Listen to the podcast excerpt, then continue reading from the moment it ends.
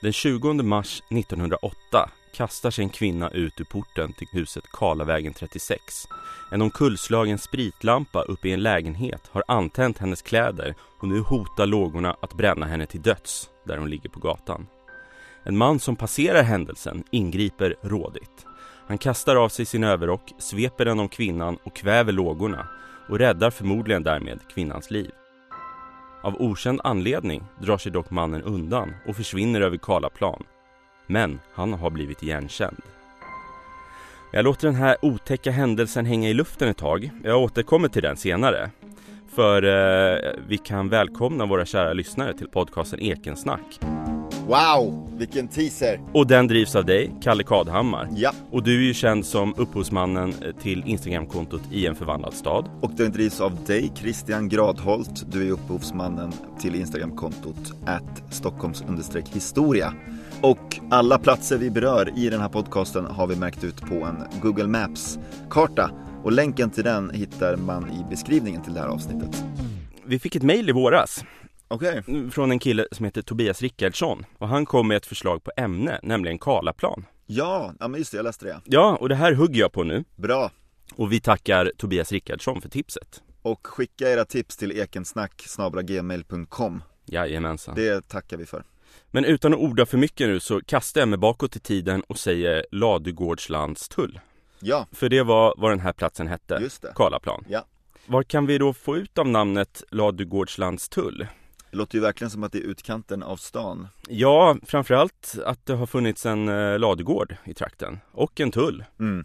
Men om vi börjar med ladugården så låg den eh, inte långt från Djurgårdsbron. Mhm. Det var en så kallad kungsladugård och vad jag vet så det var väl det, alltså kronans egendom. Just det. En statlig gård. Mm. Och med hjälp av lite logik så förstår vi ju då att Ladugårdslandet, som Östermalm hette förr, eh, det var markerna som tillhörde den här kungsladugården. Ja. Men vi går vidare till själva tullen då. För det var ju så att staden var inhägnad.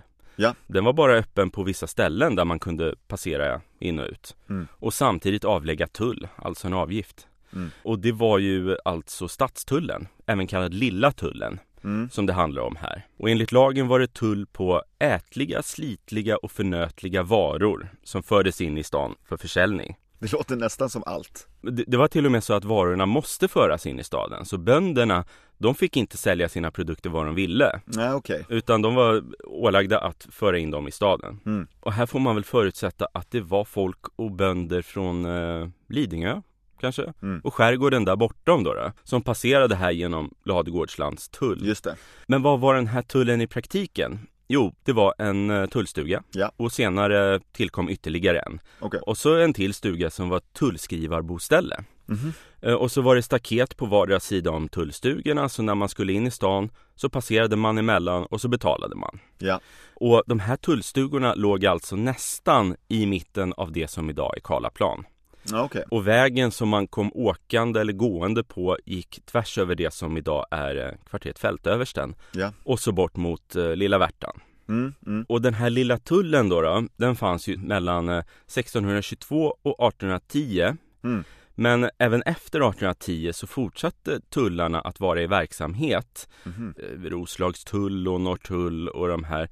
För det var här man höll uppsikt efter eh, smuggling från utlandet. Mhm. Och eh, Ladugårdslands tull var i drift som en sån här kontrollplats ända fram till 1864. Okej. Mitten av 1860-talet då, vad var det som hände då? Jo, Lindhagenplanen Ja. ser dagens ljus. Mm.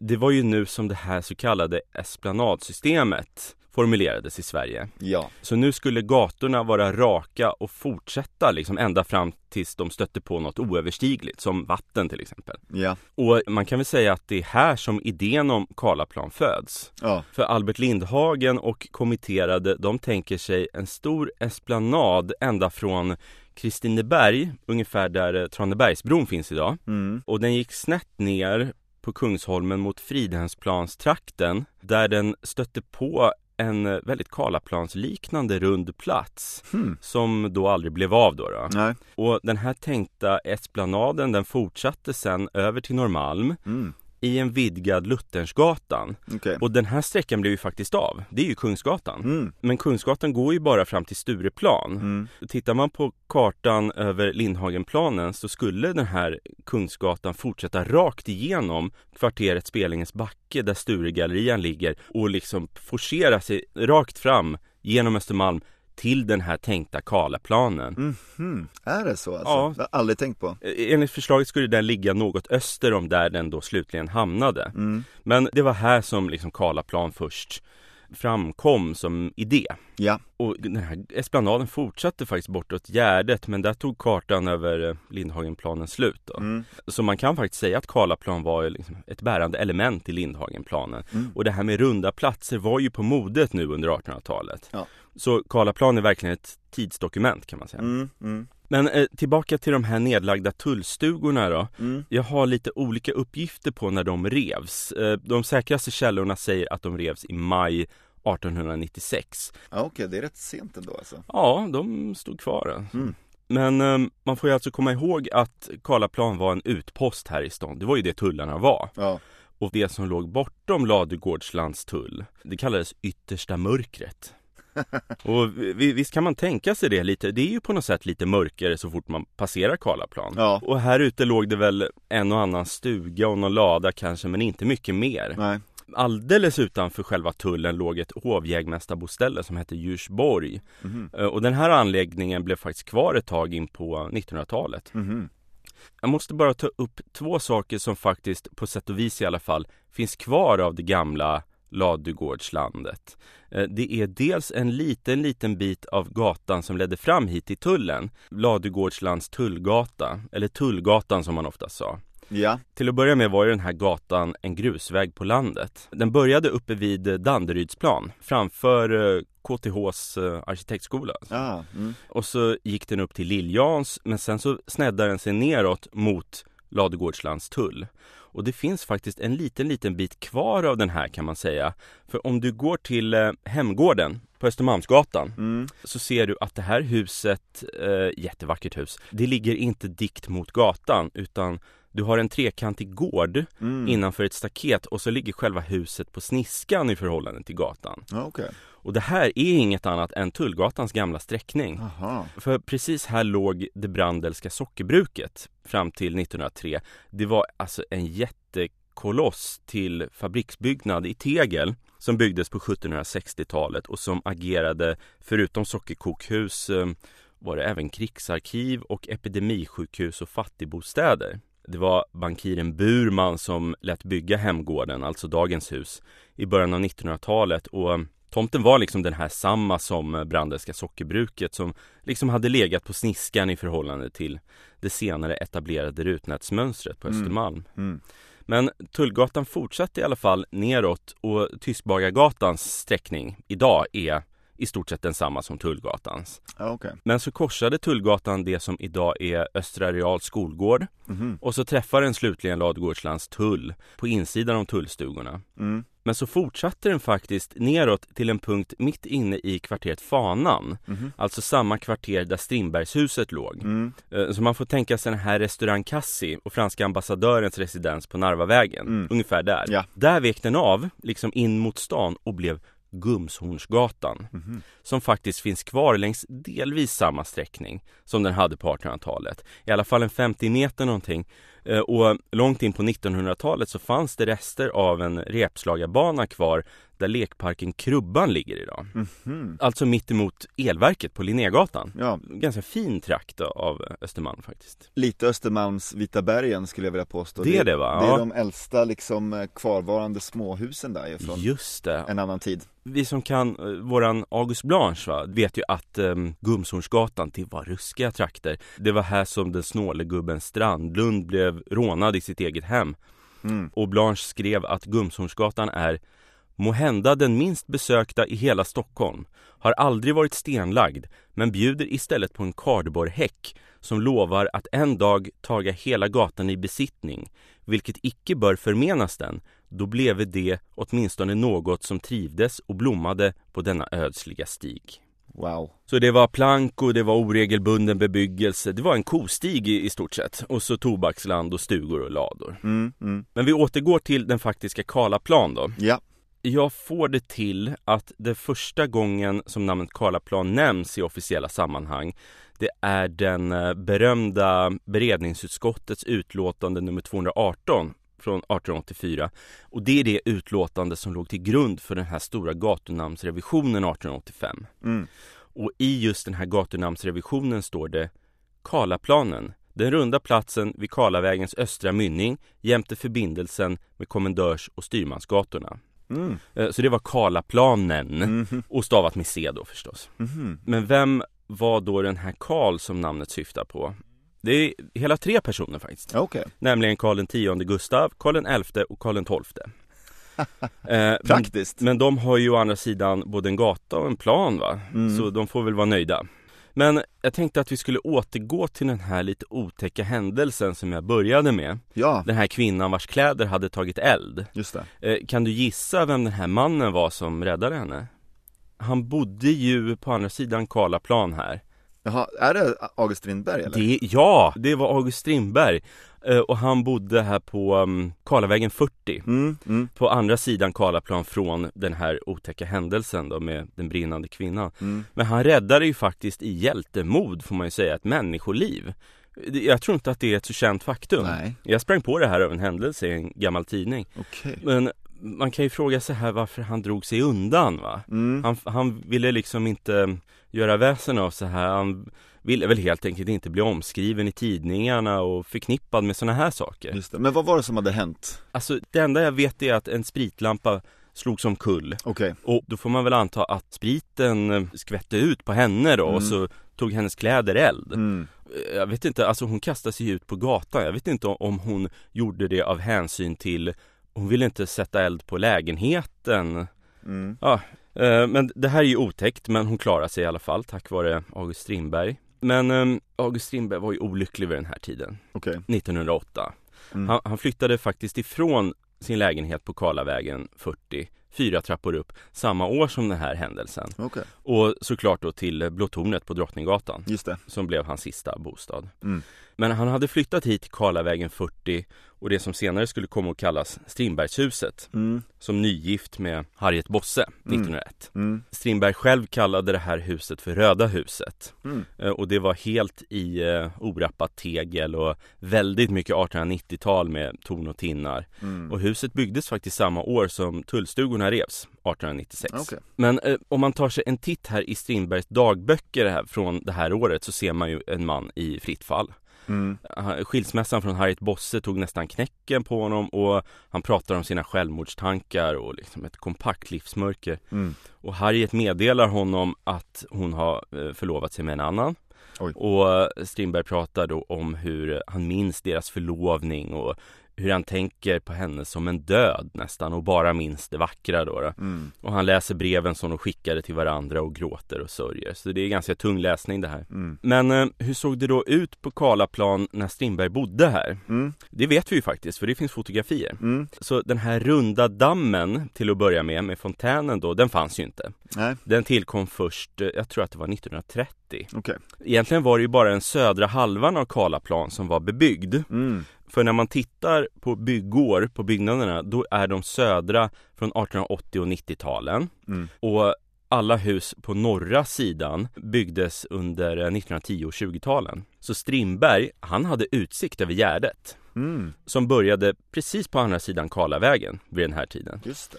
När de här husen då, då på norra sidan byggdes och Karlaplan blev helt innesluten av bebyggelse Mm. då fick ju Karlaplan sin form men den hade en helt annan karaktär än idag. Ja, För som sagt så fanns ju inte fontänen då, då förrän 1930 och dessförinnan var den stenlagda ytan väldigt stor här har jag sett på fotografier från 20-talet. Det var som ett torg va? Ja, ja, ja. Eh, För nu är ju Karlaplan snarare som en gata runt en park. ja, ja. Eller hur? Det är en rondell helt enkelt. Och um, vart det lider här då, då framåt um, 60-talet Mm. så är det ju så att Strindbergshuset kommer att rivas. Ja. Och det är ju lätt att eh, hemfalla åt den här klassiska Hjalmar Mer avrättningen här Ja. men eh, Han hade ju naturligtvis inte med den här rivningen att göra. Nej. Varför revs det egentligen? Alltså huset ägdes ju av ett privatägt byggnadsföretag Okej, och de ville ju riva det här av ekonomiska skäl. okej. Det här byggnadsföretaget erbjöd staden att köpa huset men till ett jättehögt överpris. Okej. Eh, Och det tyckte Hjalmar Mer var liksom fel. Mm. Att alltså slösa bort skattebetalarnas pengar på eh, ett hus till ockerpris. Ja. Däremot så fanns det ju faktiskt politiker som engagerade sig i Strindbergshusets be- bevarande. Okej, Eh, Bland annat den här högerpartisten Tyra Bratt. okej. Eh, Hon kämpade ju förgäves då, då. Men hon sa i alla fall i en debatt i stadsfullmäktige 1968 Har man gått uppe vid Karlaplan, då har man njutit av Strindbergshuset. Mm. Särskilt när det under vår och sommarkvällar av den nedåtgående solen har fått ett sagoskimmer på sin röda fasad. Mm. Har man blickat uppåt och sett dess luftiga och fantasieggande ton och tinnar avteckna sig mot himmelen, då har man glatts över att något så charmigt och originellt finns. Och man fasar vid tanken att här kommer kanske att byggas en kub med en annan, något mindre kub på taket för luftkonditionering. Ett fantasilöst hus som med en likformad glasfasad kommer att se förbi oss och vars närvaro för alltid löser upp den enhetlighet som en gång skapades vid Karlaplan. Stort tack för den här berättelsen om Karlaplan. Vilken plats, vad mycket det är som hände där och att den hade en så stor betydelse för Lindhagenplanen också. Ja, Jag skulle idag vilja prata om en plats som är av eh, väldigt stor vikt för Stockholm och Sverige skulle jag vilja säga. Fast i det lilla på något sätt. aha. Det är väl något man tar lite för givet nästan. Det bara ligger där på Blasieholmen och eh, kommer väl fortsätta göra det förhoppningsvis. Men det är en enorm kulturskatt och faktiskt ett av de absolut äldsta konstmuseumen i hela Europa. Jaha.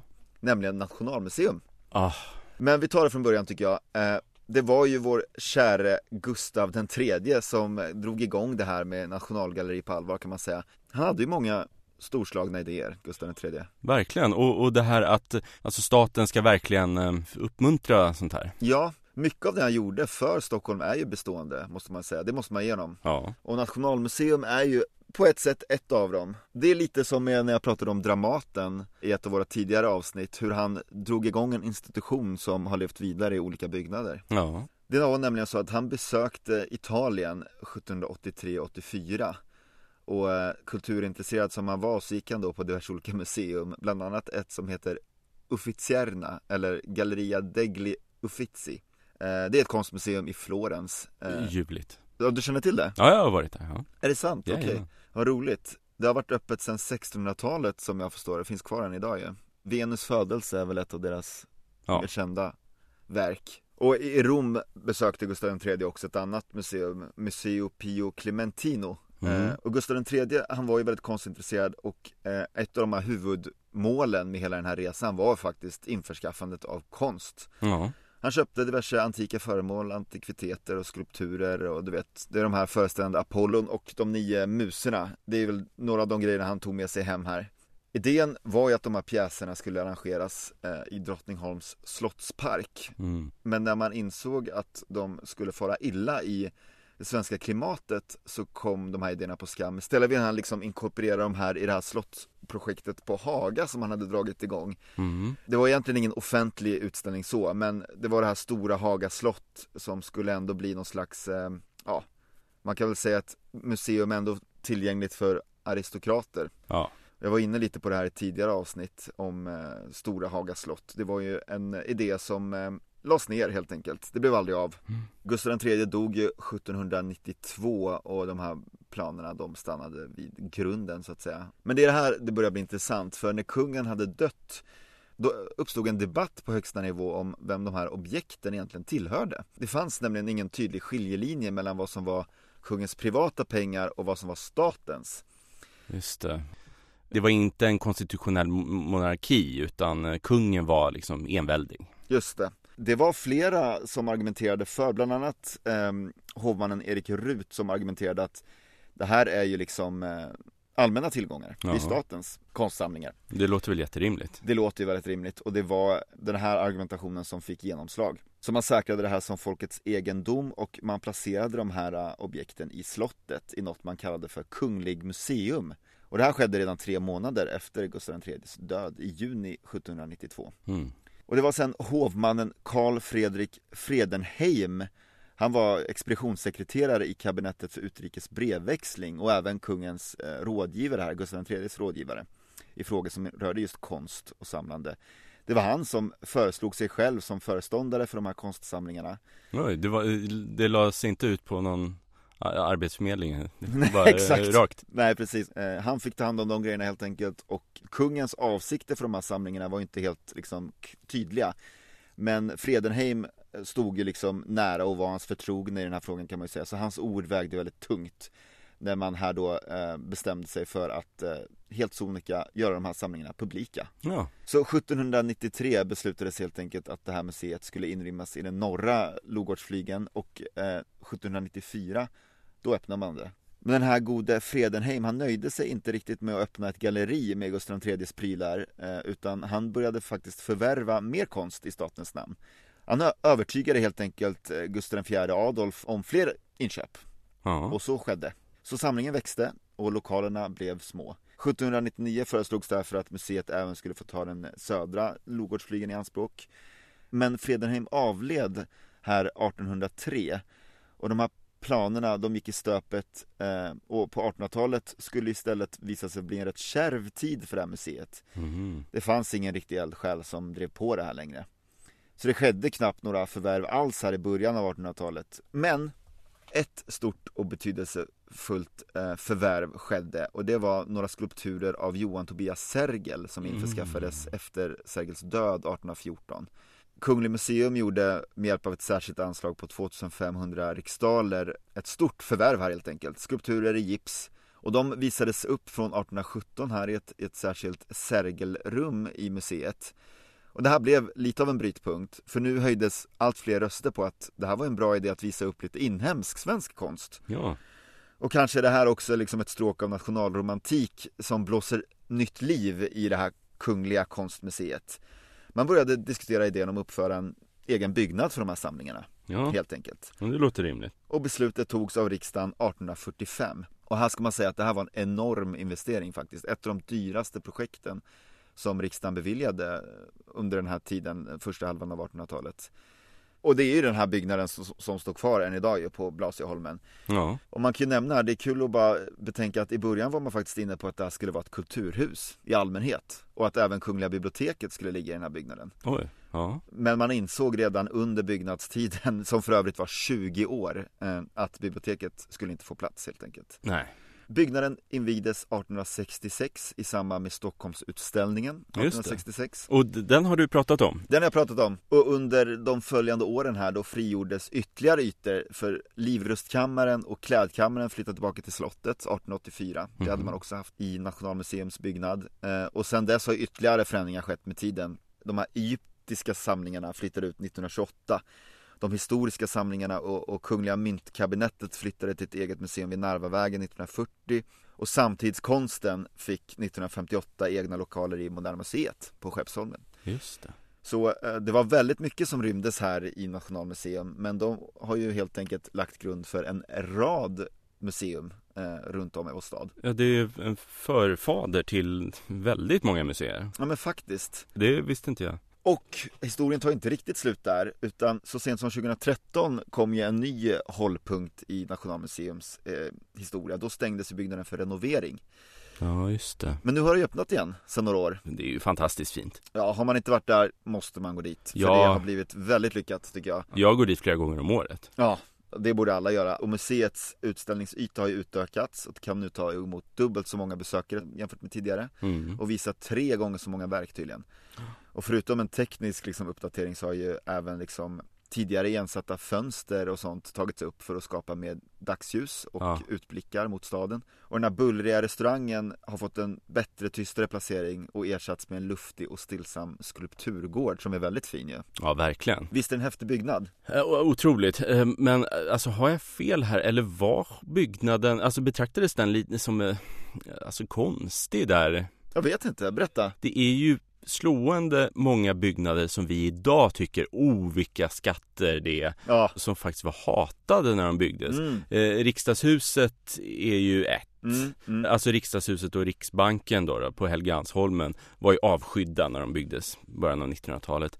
Och stadshuset var väl inte så populärt heller. Nej, och det var liknande med Nationalmuseum alltså. Jag har för mig att det var så, ja. Och det kan man ju tänka sig ändå, för det var ju, jag menar det här var ju modern arkitektur på den tiden. Det var ju något helt annat än allt som fanns. Ja, om det här var alltså ett enormt stort projekt på den här tiden rent ekonomiskt. Tänk då 1840-talets liksom fattiga bondesverige att man bestämt sig att göra det här gigantiska kulturprojektet. Det kan ju Ja. vara kontroversiellt kan man tänka hos många. ja, det har man väl förståelse för, men vi är ju glada över det idag. Eller hur? Vi får vara väldigt tacksamma att man bestämde sig för att göra det här ändå. Och det står ju där än idag 150 år senare. Som sagt, en av Europas äldsta konstinstitutioner. Och en av de mest moderna interiörerna. Och det båda gått för de nästkommande 150 åren tycker jag, eller hur? Verkligen. Tack så mycket Kalle. Stort tack och dig Christian når man ju på Stockholms historia på Instagram. Jajamän. Och dig når man på ditt Instagramkonto i en förvandlad stad. Och oss gemensamt når man på mejladressen ekensnack gmail.com. Och vi tackar Christian Jäderberg för musiken. Tack Kalle. Tack!